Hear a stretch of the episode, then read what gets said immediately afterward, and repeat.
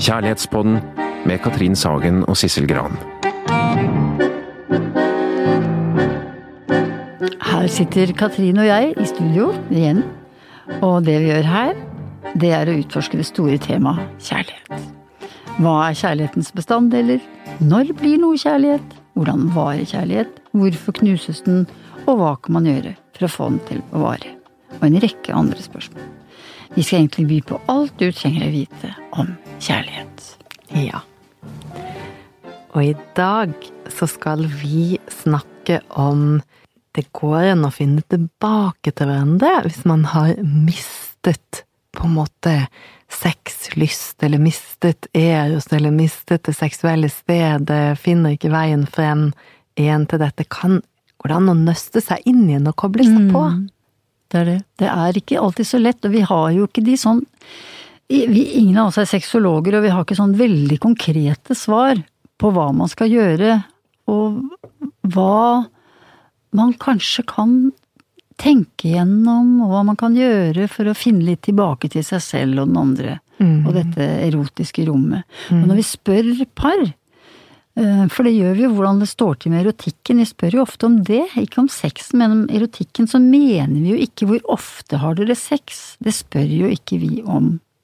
Fordi det vi spør om da, det er mer sånn det sanselige i deres eh, parforhold, altså og om de noen ganger i alt det travle som de har i livet sitt, om de noen ganger legger til rette for seksuelle møter, eh, i hvilken grad de forbereder sin egen kropp på det, eh, og altså i hvilken grad de forbereder sitt eget sinn, rett og slett, eh, til å nærme seg den andre partneren. Og ordet eros er jo utledet av gresk begjær, ikke sant? Eh, og erotikken i et forhold er derfor mer enn mer enn og mer omfattende enn bare seksuelle handlinger. Mm. Vi kan vel si at det er at det vi spør dem om litt da, det er liksom mer livsenergien deres. For det er vel det vi tenker på som eros, at det er en livsenergi, en sensuell kraft, som vi egentlig kan kjenne periodevis mer eller mindre av livet i vår egen kropp, og, eros handler jo om dette å føle seg levende. Altså føle seg vital, litt energisk, og, om å føle seg i stand til å erobre. Uh, ha rett til å erobre, og føle seg uh, i stand til å la seg bli erobret.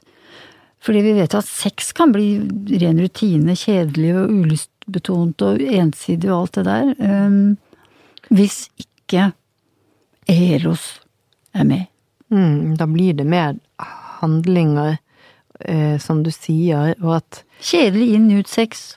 Det Ja, samme om og om igjen. Sånne ting som man blir veldig lei av. Ja, og noen kommer litt Altså sånn en, en litt vanlig, kanskje uheldig måte å snakke om sex på er litt sånn ja, men bare pass på å gi han sex en gang i uken, så er han grei. Da er det Så holder han seg på matta. ja, og så, og så blir han litt mer medgjørlig, liksom. Det, det er måten noen på en måte havner i en sånn, hvor det blir noe sånn som, som mannen skal ha, er eller noe utrolig sånt. trist Veldig, holdning. veldig trist. Veldig tomt og rart. Og så er det veldig, syns jeg, nedvurderende overfor menn. Ja, veldig. Som om ikke menn skulle ha et sterkt behov for eh, et erotisk rom, altså sammen med kvinnen, som handler om mer enn en kort seksuell handling på fem minutter, for eksempel, eller et kort samleie på fem minutter. Fordi jeg tror at veldig mange menn Altså det er en fordom rundt menn der at det er det, bare det de vil ha. At det er det eneste de tenker på. Tenker på det òg. Og kvinner tenker også på det. Et kort øh, og heftig samleie øh, på badet eller i garderobeskapet. Det kan være fint, det. Det er ikke noe galt i et, et kjapt nummer. Eh, Vi har null fordommer mot det, snarere tvert imot. Det kan være forfriskende, tror jeg. Men, men det å tenke at det bare er det menn er ute etter, det liker jeg veldig dårlig. Der støtter jeg deg. Mm. Samtidig som jeg Eller det jeg også tenker, eller i tillegg, ikke, ja, ikke sant, tenker jeg at det er også eh, litt sånn fordom og litt trist og litt fattig å tenke om kvinnen. At hun ikke trenger sex, eller at hun bare er opptatt i sex for, for å få disse barna, eller sånn, og så etter det, da, da snurpa kjerringa igjen, liksom. Og så, for hun trenger ikke, eller jeg trenger ikke, eller eh, liksom at kvinnen snakker sånn om seg selv. Jeg syns også det er, er trist. og at det heller kanskje er et uttrykk om noe som vi snakket om i forrige episode, den episoden som handler om sex og småbarn. Hvis man vil høre, ikke har hørt den, så kan man høre der. Der snakker vi om nettopp det der at man kobler seg av etter en fødsel, at kvinnen kan skru igjen, og at, det, og at, og at, at kvinnen kanskje misforstår seg selv, eller man misforstår kvinnen og tenker at hun har blitt aseksuell på en eller annen måte, eller at, hun, at det bare er mannen som vil ha, men at det kanskje handler om at hun har glemt å skru seg på. Mm. Hun kan, og det ligger jo der. En kvinne trenger også et parforhold. Trenger sex. Om det er mann, kvinne, kvinne, kvinne, mann, mann, så trenger Så er det noe det, det er et eget sted man kan gå til. Ja, det er jo uh, interessant, vet du. Noen ganger så kommer jo paret og sier at uh, her er sexlysten borte, og det Før i gamle dager så snakket man jo om frigide kvinner, ikke sant, som uh, at kvinner som likte mye sex, de var nymfomane, og de som likte lite eller ikke noe, var frigide. Vi er, hopp, er ferdig med det. For du behøver jo ikke ha generelt sett mistet sexlysten i livet ditt, men du kan kanskje ha mistet lysten i det forholdet du er i, fordi der har det ikke vært så bra. Mm. Eller der har, det vært, eh, der har det vært mye kiv og strid og mye krangling og kjefting og bortvendthet og avvisning og sånne ting som er skikkelig Som gjør at man skrur seg av. Eller det har kanskje vært lunkent og altfor koselig og altfor lite spenningsfylt og altfor uh, tett og nært på en ikke helt sunn måte. Og da kan du miste Ja, da kan du miste ja, på en aseksuell måte. Og det er klart at da kan du miste både tenning og lyst. Ikke ikke som en Eroset ditt er kanskje ikke dødd i det hele tatt, men du har ikke lyst på din partner. Og det er noe annet enn å ikke ha seksuell lyst. Absolutt. For treffer hun en annen, så blomstrer det opp, gitt. Og etter samlivsbrudd og med nye kjærester så ser vi jo at sexlysten er jo tilbake på plass som bare det, ikke sant. Så, så det er en utfordring for paret eh, hvis den ene mister lysten.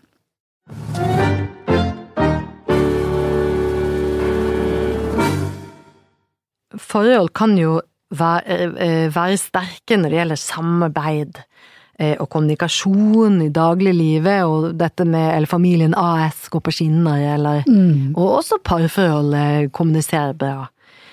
Men så kan de samtidig være svake når det gjelder sensuell delaktighet, initiativ, lekenhet, mm. eh, modighet, kanskje, eh, og en stor illusjon i mange parforhold, og faktisk en, en veldig vanlig feil hos par, er at de tror at de kjenner partneren sin inn og ut og vet alt om den andre, når sannheten er at de vet veldig lite om partnerens drømmer, begjær, hva vedkommende skammer seg over, er redd for, alle disse tingene, helt innerste tingene.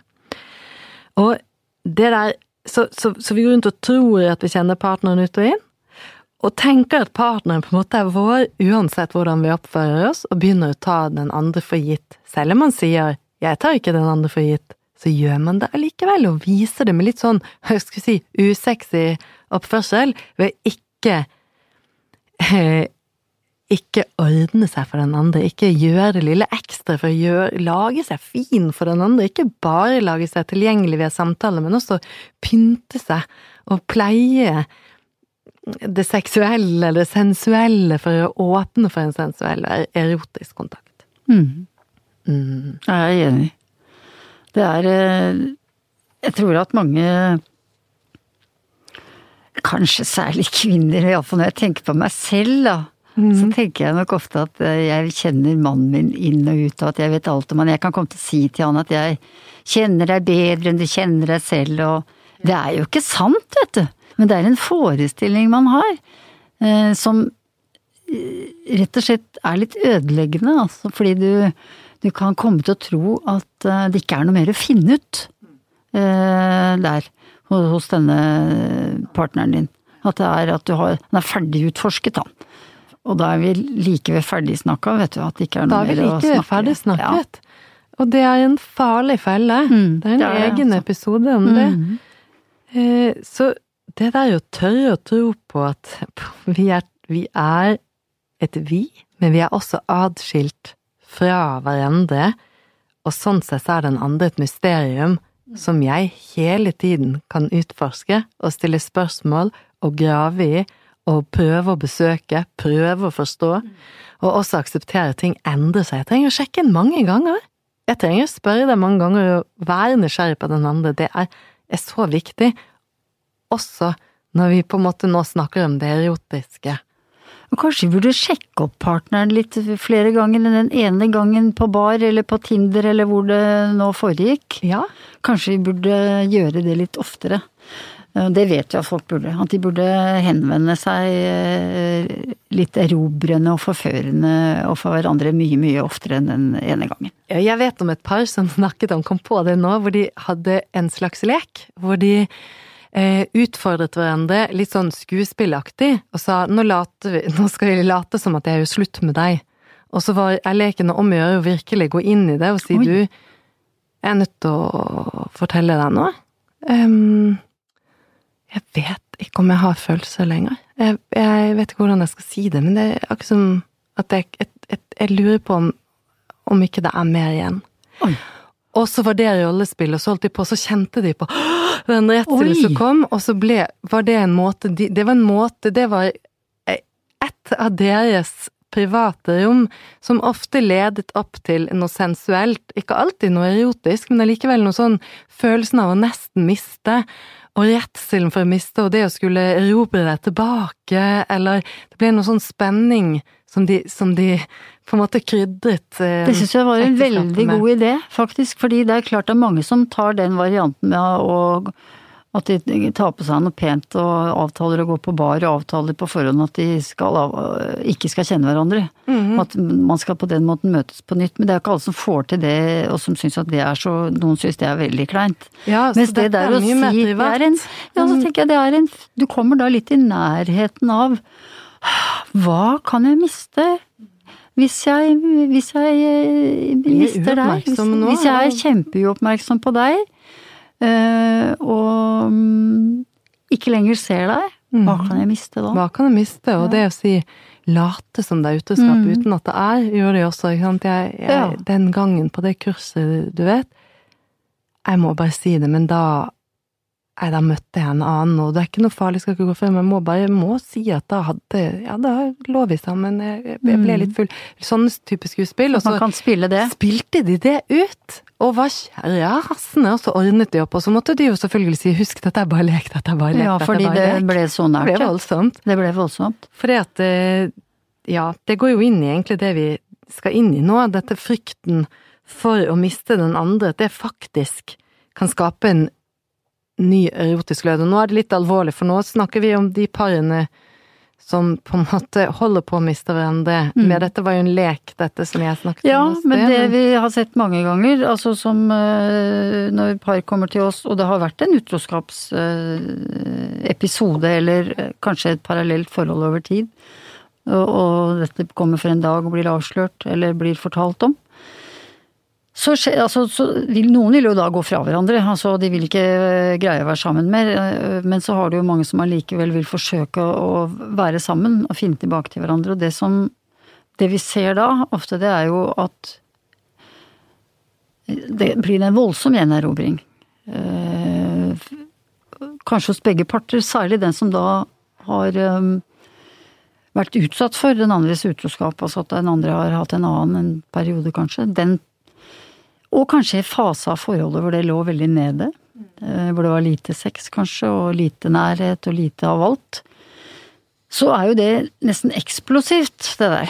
Eh, Når det Når den som eh, har vært utsatt for utroskap, gjør hva som helst for å, for å gjenerobre sin kjære.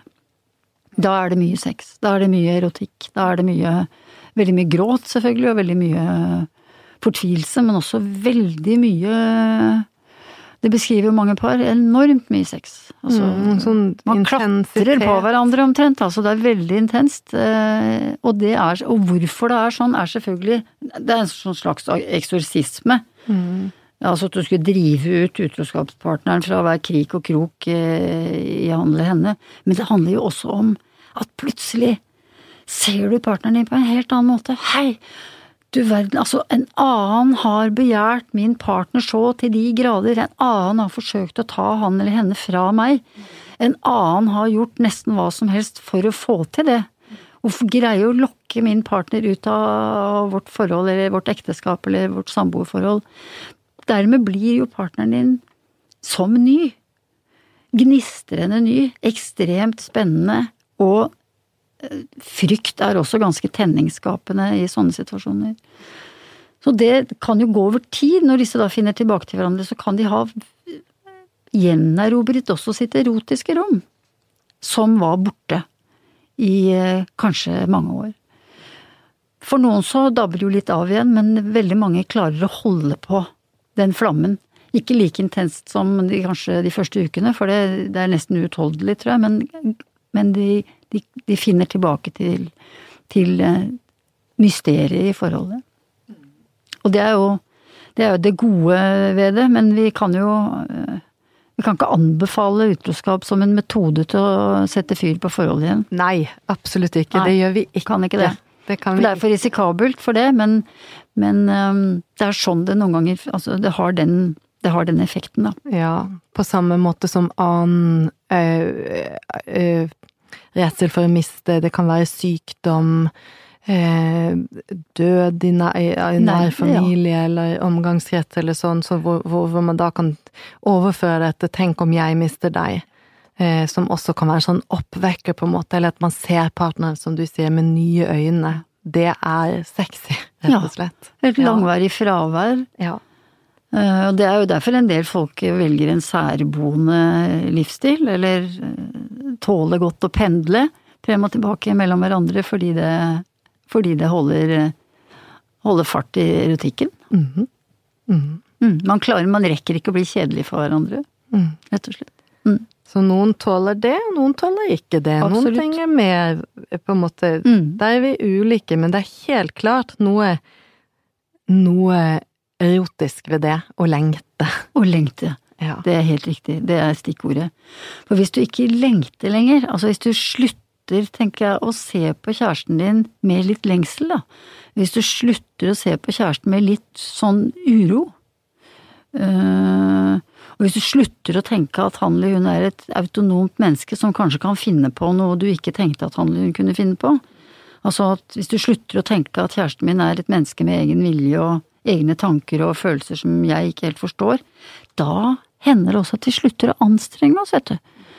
Og hvis vi slutter å anstrenge oss, og hvis vi bare liksom vasser rundt her i kosebuksa, da eh, risikerer vi også at eh, sexen Havner i trygghetsfellen. havner i trygghetsfellen. Paret havner i trygghetsfellen. Ja.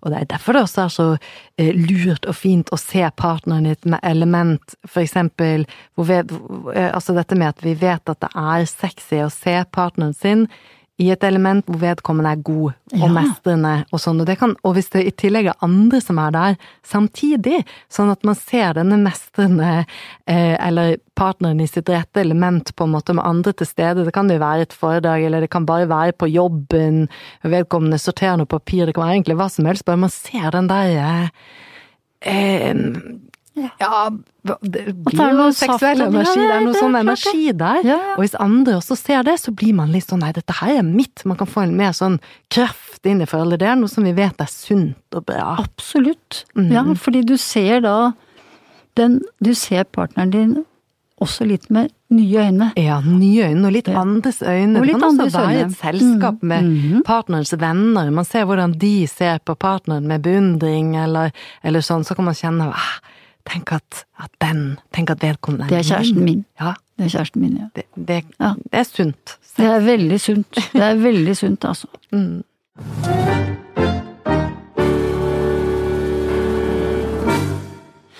Men det er eh, noe vi må snakke om, det er dette her med spontanitetsfellen.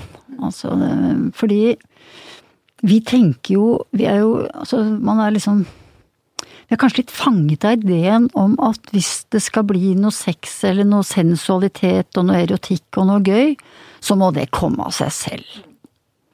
Det må liksom være Det må være spontant. øh, automatisk. Og så trasker vi rundt der hjemme, da, sammen kanskje, og så venter på at det spontane skal skje. Og- det gjør jo ikke det da, ofte. Det, det rett og slett uteblir, så Er du ikke enig i det? Jo, helt, helt klart. Det blir, og det utvikler seg Det er et slags paradoks at vi både ønsker å gjenreise en ja, erotisk relasjon til kjæresten, eh, eh, samtidig som vi blir passive på en eller annen måte og tror det skal skje av seg selv. Og det gjør det ikke. Så vi er, vi er nødt til å ville dette. Vi må, vi må ville forføre, og vi må ville bli forført. Vi må skru oss selv på og lage oss tilgjengelig på en måte. Vi må gjøre noe med det. Skjer ikke av seg selv. Ja. Jeg tror det er veldig sant. For man kan bli litt sånn Man kan bli litt sloppy, vet du. Man kan bli litt giddesløs. Sånn, og man kan forvente at det er den andre som skal ordne opp i det der. Mm, og det er jo ofte sånn det blir snakket om sex også. Hva, hva trenger du at den andre gjør med deg? Det, så, hvordan tenner den andre deg, eller hvordan skal jeg tenne deg? Og det er noe med å kanskje Det, det er fine ting, det. Det er ikke dumme ting. Stryke på armen, vaske gulvet altså, ja. eh, Holde rundt, prate, se med øynene, eller, eller alt, alt hva det kan være man tenker. Det er jo som det også er. Men man har jo et ansvar selv. Yes, og det, har- det, det Da blir det plutselig litt lettere, kan man kanskje tenke òg, hvis man tenker men jeg kan jo bare gå inn og tenke hva er det som skrur meg på, hvordan kan jeg skru meg på og lage meg tilgjengelig, og lage meg forførbar, og kanskje til og med tørre å forføre litt og invitere inn. Ja, for det tenker jeg at selv om du har hatt, vært, selv om det har vært labert da, at du har hatt lite sånn eh, erotiske strømninger i kroppen og i sinnet lenge, så er bare det å tenke at man kanskje skal forsøke å skru seg på igjen, veldig ålreit. Å kunne si at man kan si til kjæresten du, jeg gjør så godt jeg kan å, å forsøke å skru meg på igjen, og du kan hjelpe meg hvis du forsøker å liksom legge litt an på meg. For det er jo noen syns er veldig vanskelig å si det, vet du. At uh, Veldig vanskelig å be om å bli forført, mens noen ganger så må man kanskje si at man er i startgropa til å bli litt tilgjengelig igjen. Uten at det betyr at man da skal bli overfalt og kastet på sofaen, ikke sant, i det samme nu. For det, man har bare da sagt at jeg, jeg arbeider med saken. Det er veldig vanskelig for, for det, det, det med at spontanitetsfellen, at det ikke skjer seg selv. Samtidig så er det noe usexy ved når vi snakket om at sex skal bli noe sånn handling som vi avtaler tid, og så skal vi gjøre det da, og det er noe med det der eh, tiden hvor par også biter seg i halen og, og stapper timeplanen for full, hvor det ikke er noe rom for noe seksualitet eller erotikk, eller egentlig rom for noe par i det hele tatt det er jo også det, det, Man må liksom prøve å ta litt ansvar for livet sitt og tenke at jeg kan gjøre en god del ting selv, og ikke å skape både tid og plass og prioritere, og så begynne å skru seg på.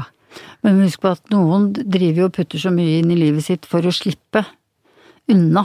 Ja. At man er så stresset, man er så travel, man er så sliten, man er så trøtt, man er så opptatt, man har så mye å gjøre.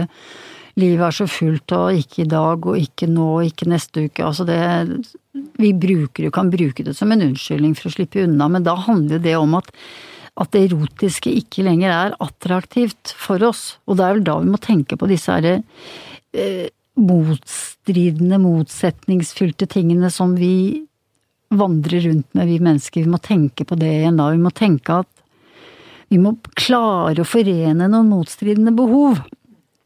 Altså, vi må klare det der Altså, eh, hva skal vi si Å både kjenne at det er viktig å være sammen, men også tåle å være fra hverandre og like det. Altså, som er litt mer usikkert, da.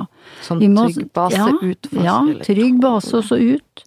Altså, vi må Det er lov å strebe etter trygghet, altså lov å ville ha ankerfestet sitt, men vi må også tåle det litt usikre eh, i livet og sammen med partneren. Og det er helt ålreit å elske tosomheten, men det er samtidig ekstremt viktig å ta vare på egen autonomi. Og da, med autonomi, så tenker jo vi at du har et ansvar for å ta litt grep og ta et initiativ, og, og, og rett og slett um, gjøre noe med din egen avstengthet, eller med din egen eh, avkoblethet.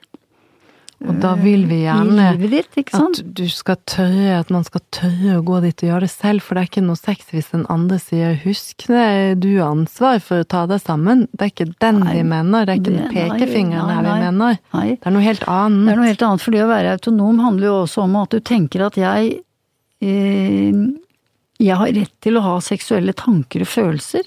Mine egne og på min måte. Eh, men jeg skal også være et ansvarlig individ som skal forsøke å ha, et, ha en, en, både en emosjonell og en erotisk relasjon til denne partneren min for at vi skal fortsette å ha et bra liv sammen. For alle vet inderlig godt at det å skru den seksuelle bryteren helt av i et forhold, og forlange at alt allikevel skal være helt fint og helt bra og helt uproblematisk, det går ikke.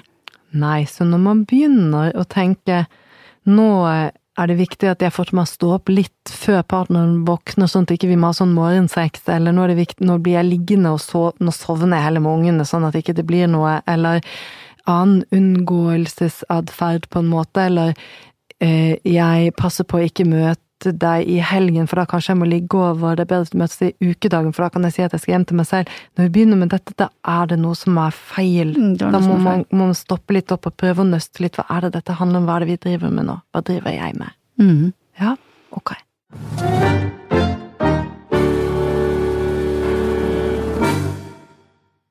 Så hvis vi ser på de, disse på en måte dilemmaene da, eller disse motstridende Mm. behovene og sånn, det er jo mange som får dette til, og, og er disse erotiske parene, eller hva vi skal kalle det. Hva, hva er det disse parene gjør? Mm. Som greier å forene både trygghet og spenning, for eksempel. Ja. Mhm. Og, og, og tosomheten, og samtidig autonomien. Altså at jeg har et ansvar for meg og mitt, og for vårt. Ja, altså de Hva gjør de? De tillater jo hverandre å ha egne erotiske tanker og følelser, og, og handlinger, i fred. Uh, og de forstår på en måte at uh, at et, det er et felles erotisk rom, men det er også et eget. Uh, som man kan utforske, spørre hverandre om, eller, eller våge å invitere seg inn i. Og det er da, mener vi ikke, et, et privat erotisk rom som man har med andre mennesker? Nei. Det er ikke det vi mener. Faktisk ikke. Du kan fantasere om det, så klart. øh, Og det er det mange som gjør, og, mange, og noen syns at det er helt forferdelig. Men eh, jeg tror at vi må akseptere at folk har mye mer fantasier om seksualitet og om seksuelle møter med andre enn det de har lyst til å snakke om. Nettopp, så dette handler noe om at dette rommet er kanskje et av disse stedene som vi ikke helt kjenner hos partnere, men som vi kanskje til og med heller ikke skal kjenne, som Ikke ikke, er farlig, men som vi kanskje bare kan tåle. Mhm, faktisk. Ja. Som er et rom hvor partneren kanskje kan få ha noen tanker og noen følelser i fred. Mm.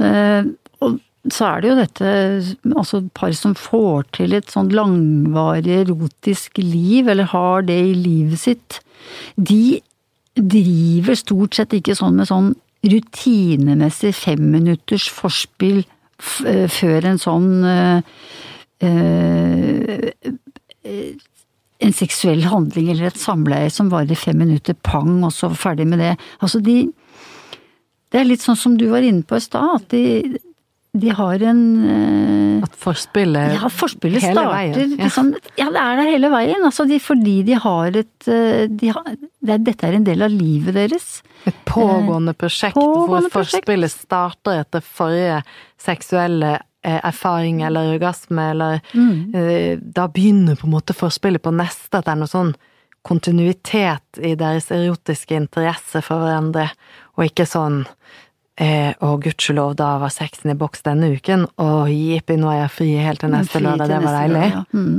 ja.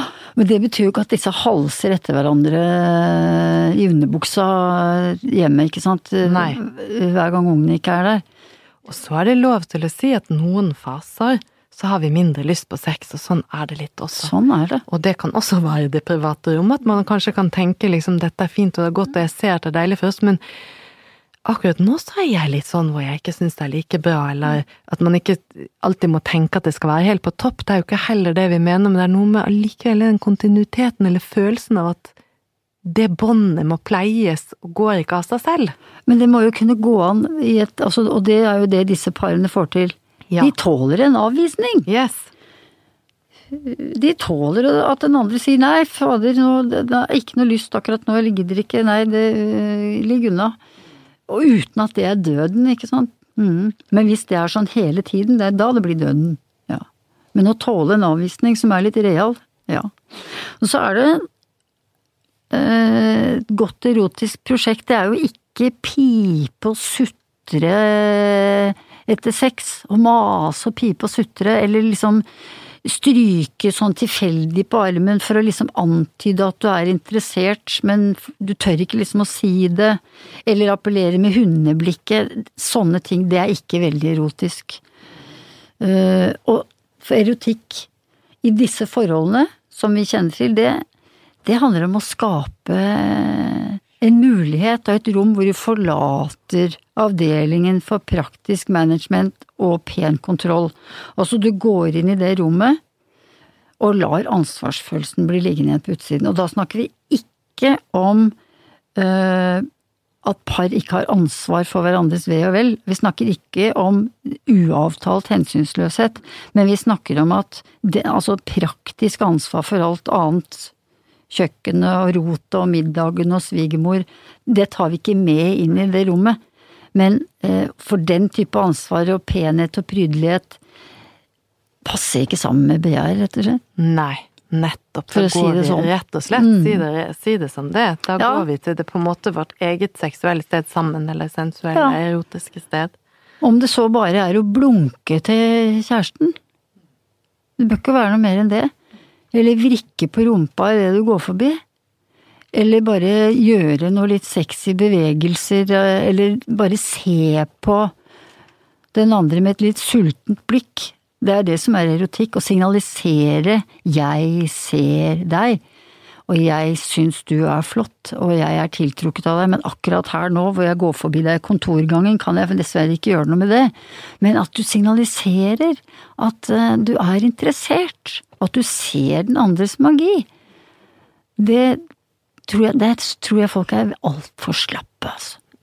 Er du ikke enig i det? Jo, det tror jeg det er. Ja. Tar ting for gitt, tror, tror ting er greit. Mm. Og så må jeg bare legge til at hvis du virkelig strever i sex, så kan det være vanskelig akkurat her, for da vekkes det forventninger, og så blir du redd, og så blir det press, og så blir det masse rot og, og greier. Så det, det er viktig å liksom rydde opp det vi snakker om nå, er når, det, når man er på dette gode stedet, det funker, er. Mm. da får man til det, da ser det sånn her ut, og der kan man komme.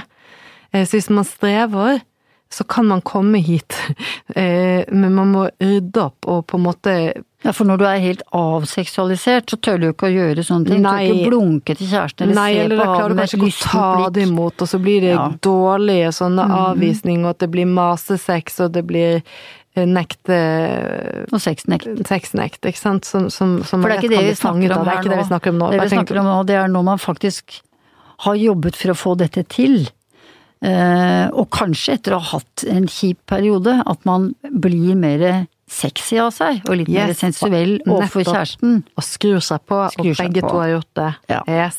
Så det å legge ansvaret og AS-et og alt forstyrre, alle forstyrrende elementer utenfor, og gå til dette stedet sammen, Mm. de to. Mm. Ja. Om det så er rett inn i bøttekottet. For sex kan man ha overalt, vet du. Ikke bare på soverommet, vi snakker mye om soverommet, men folk kan ha sex overalt. Ja, og når vi sier inn på rommet, så mener vi et metaforisk rom, et metaforisk sted også, det seksuelle stedet. Ja. Mm.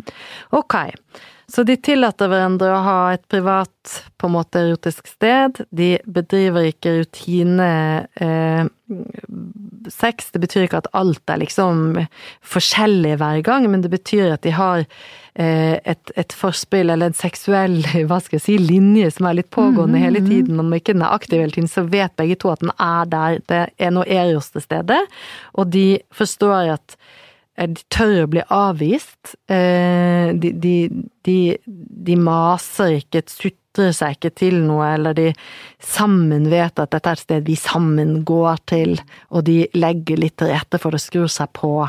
De forstår dette her med at lidenskap og lyst, det kommer og går litt, det er ikke konstant, selv om vi snakker om et erotisk bånd, det er ikke konstant, og i perioder kan den ligge litt brakk, i perioder er vi kanskje på noe helt annet, om det er småbarn, eller om det er oppussing, eller om det er eh, mastergrader, eller om det er stress på jobb og frister og sånn, så, sånn, sånn kan det skje. Eller at du er i dårlig form, det er ikke noe krise. Yes, det kommer tilbake. kommer tilbake. Kommer tilbake. Det oppfattes ikke som krise. De vet hvordan de skal få den tilbake. De vet hvordan skru seg selv på. De eh, vet hvordan den andre skrur seg på, og hvordan man skal skru på hverandre, og de har et slags språk for det. Mm. Ja. Dette er jo par som har eh, avmystifisert denne myten om spontanitet, ikke sant, som vi snakket om i stad. altså eh, Som skjønner at begjær faller ikke ned fra himmelen mens du bretter tøy. Um, og de skjønner at erotikk i dette forholdet, det er forhandlet frem i gåseøyne én gang for alle. Altså for de har snakket om det mange ganger. Vi skal ha et forhold med erotikk og sensualitet og sex. Det skal vi ha i vårt liv sammen. Ehm, det, og de opplever dette som villet. Og at det er en intensjon i dette om å bevare forholdet. Fordi begge vet at vi må ha med det, vi må ha med noe lidenskap og noe passion her, ellers så går det, kommer ikke dette til å gå bra. Det er fokusert, og det er noen ganger også planlagt, ikke sant? At de, men uten skjemaer og uten, uten tvang og uten, øh, uten at de skal presse seg til det. Det er ikke noe sånn fake it till you make it, det er ikke vi så veldig for her vi sitter.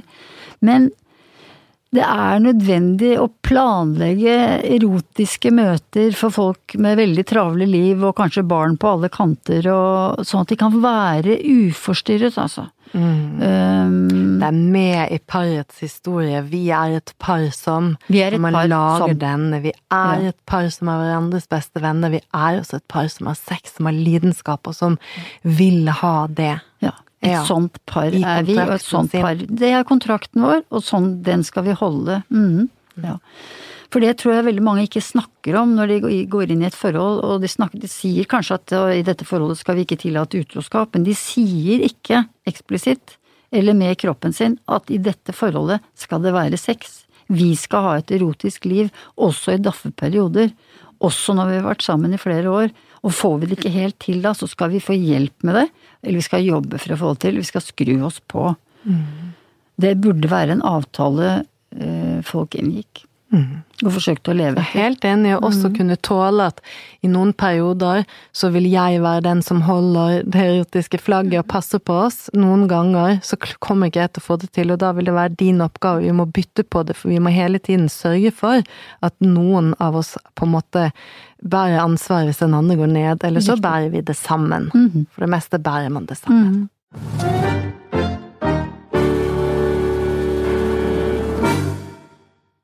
Skal vi eh, prøve å skissere et eksempel på Vi har et eksempel her på et par som nettopp er et sånt par som fikk det til, til tross for at de var i en vanskelig og litt sårbar fase. eh, I en eh, familie med, med småbarn, og hvor hun har vært den som har vært veldig mye hjemme med disse barna. Eh, og hun har tatt seg av mye av det praktiske hjemme, og det var tvillinger, det var mye greier å, å stå i, hun, hun trengte så mye hjemme.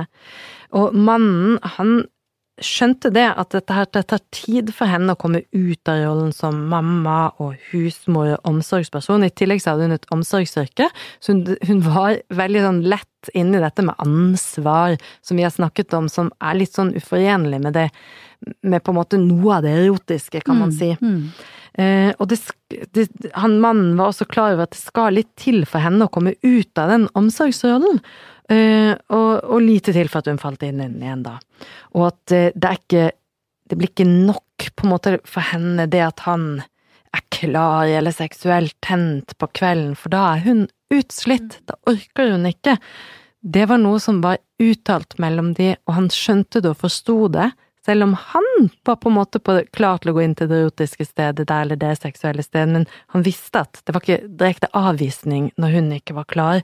Så deres erotiske møter måtte planlegges for at hun kunne klare nettopp å være kvinne, og være hans, og være ikke bare mamma. Og på denne måten så kunne deres på en måte forspill da vare i, i flere dager eller en uke eller to, hvor de på en måte bygget seg litt opp, og etter en sensuell kveld på byen hvor de har vært nær bare de to, og kanskje hatt, seg litt sånn, hatt det gøy og gjort seg klare og skrudd seg på, og kommer hjem, og det er barnevakt, og det er penger, og det er ting og tang som skal gjøres, så var det han som gikk og gjorde det, smalltalken der. Og på med måte, barnevakten? Med barnevakten, og betalte og sa takk og tusen takk også på ungene, og gjorde de omsorgs, eh, på en måte, familie AS-tingene. Mens hun kunne danse inn på badet, og heller fortsette å være på en måte i det sexy moodet, da. Og, og kle seg og gjøre seg klar til å gå inn etterpå, når mannen og barnevakten, barnevakten var ute og han hadde sjekket alle ungene og sånn, så kunne de sammen bare fortsette videre inn på en måte forspillet sitt, og inn sammen til deres eh, seksuelle sted. For han lot, han lot, henne være in the mood. Ja, og hun greide det. Og hun greide å ta imot. Hun greide det. Hun greide å ta imot. Og dette var på en måte mm. avtalt, eh, på en måte deres mm deres private jeg som de holdt på med, så funket det. En måte de løste det på, ja. uten at det skulle bli at han ble en sånn eh, overkåt fyr som, som ville ha sex hele tiden, som hun ble sur på, eller at hun følte seg som en, en eh, oppvasklut og ikke fikk til noe. De, de, bare så sånn er livet vårt, vi er nødt til å planlegge litt, og det trenger ikke å bli usexy av den grunn. Nei, det er helt sant. Mm. Det er en annen ting vi bare vet, må si noen få ord om, altså Katrin. For det, det, er jo veldig viktig å huske på at ikke alle par higer veldig etter lidenskap. Altså, øh, noen har kanskje hatt øh, nok av det i sitt liv. Absolutt. med andre, eller øh, tidligere som barn og ungdommer, at livet kanskje har vært slitsomt. Mm. Så for noen så er det mer enn nok at forholdet er øh, er varmt, og at det er mye ømhet og omsorg og omtanke. Og, og de kan velge å forbli der, altså i et sånn litt smulere farvann, for å si det rett og slett. At de kan komme til å foretrekke kjærlighet som er bygd mer på tålmodighet enn en lidenskap. Ja, men absolutt. Og trygghet. Det må vi bare ta med. Det er å ta med. for mange. Ja, helt klart, og helt riktig mange. for mange også. Ja. At det ikke er sexen som forsvant, men det er vår seksuelle rytme er lavere, eller det er ikke der vi fokuserer, eller den er ikke der det også er kjærlighet og fullverdig kjærlighet. Det er kjærlighet. Altså at for, dem, for, sånne par så kan det handle mer om å realisere dette båndet som skal vare, at den, at den, tryggheten er det de vil ha. Ja. Fordi kanskje ting har vært uttrykt før. Ja. For de fleste, tenker jeg, som ønsker å bevare et erotisk liv sammen, så tror jeg det å eh, innse at kjæresten er et mysterium, eh, er nødvendig. Det å tenke på at den andre om det er en mann eller en kvinne, er helt spesiell. Og da um, En kvinne hun uttrykte det sånn at i ekteskapet mitt, for hun ville det, vil jeg bli satt pris på både som kvinne og mor. Ikke bare mor, kone, livspartner, men som kvinne. Og jeg vil kunne sette pris på mannen min som mann, ikke bare som flink pappa, og grei svoger og mine foreldres gode svigersønn og sånn. Jeg vil at forholdet vårt skal handle om mer enn det praktiske livet. Om, jeg vil at det skal handle om beundrende blikk, om sensuell berøring eller et uventet ord. Jeg vil bli sett og anerkjent uten all den andre bagasjen. Altså som mamma og venninne og Men jeg vil bli sett på som kvinne. Og det er vel kanskje noe av det viktigste. Og selv være interessert i og bli sett på eh, som en partner, som en kvinne eller mann, og ikke bare en omsorgsperson. Vi har et veldig sensuelt dikt av selveste Berthold Brecht. Det har vi, det hører vi på, og det er Ola G. Furuseth som leser. Det er ikke slik at nytelsen bare består, men det du er vant til, lokkes lett fram. Å gjøre det igjen som vi så ofte har gjort, det er det som drar oss mot hverandre. Denne lille rykningen i rumpa di er det jeg venter på, og kroppen din er listig. Det deilige, det andre, er det som snart kommer med ditt gisp. Dine knær mot skuldrene, og la seg ta på denne måten. Så denne skjelvingen, som sier i kroppen min at du får lyst igjen så snart din lyst er stilt. Og når du snur deg lat til siden, griper dovent etter meg, mens du fortsatt smiler. Og det er flott. Hadde vi ikke gjort det så ofte, ville det ikke vært så godt. det er veldig fint. Det er fint. Sånn kan det sies, ja. Sånn kan det sies. Og med det så avslutter vi for i dag. Følg oss gjerne på Instagram og Facebook. Eh, skriv kommentar hvis du vil det, enten der eller på iTunes, eller du kan også laste ned på Spotify nå. Kan Vi skriver spalter også. Det er du velkommen til å lese. Du finner det i VG, VG Helg eller VG+. Og da gjenstår det bare å takke for at du har hørt på oss i dag.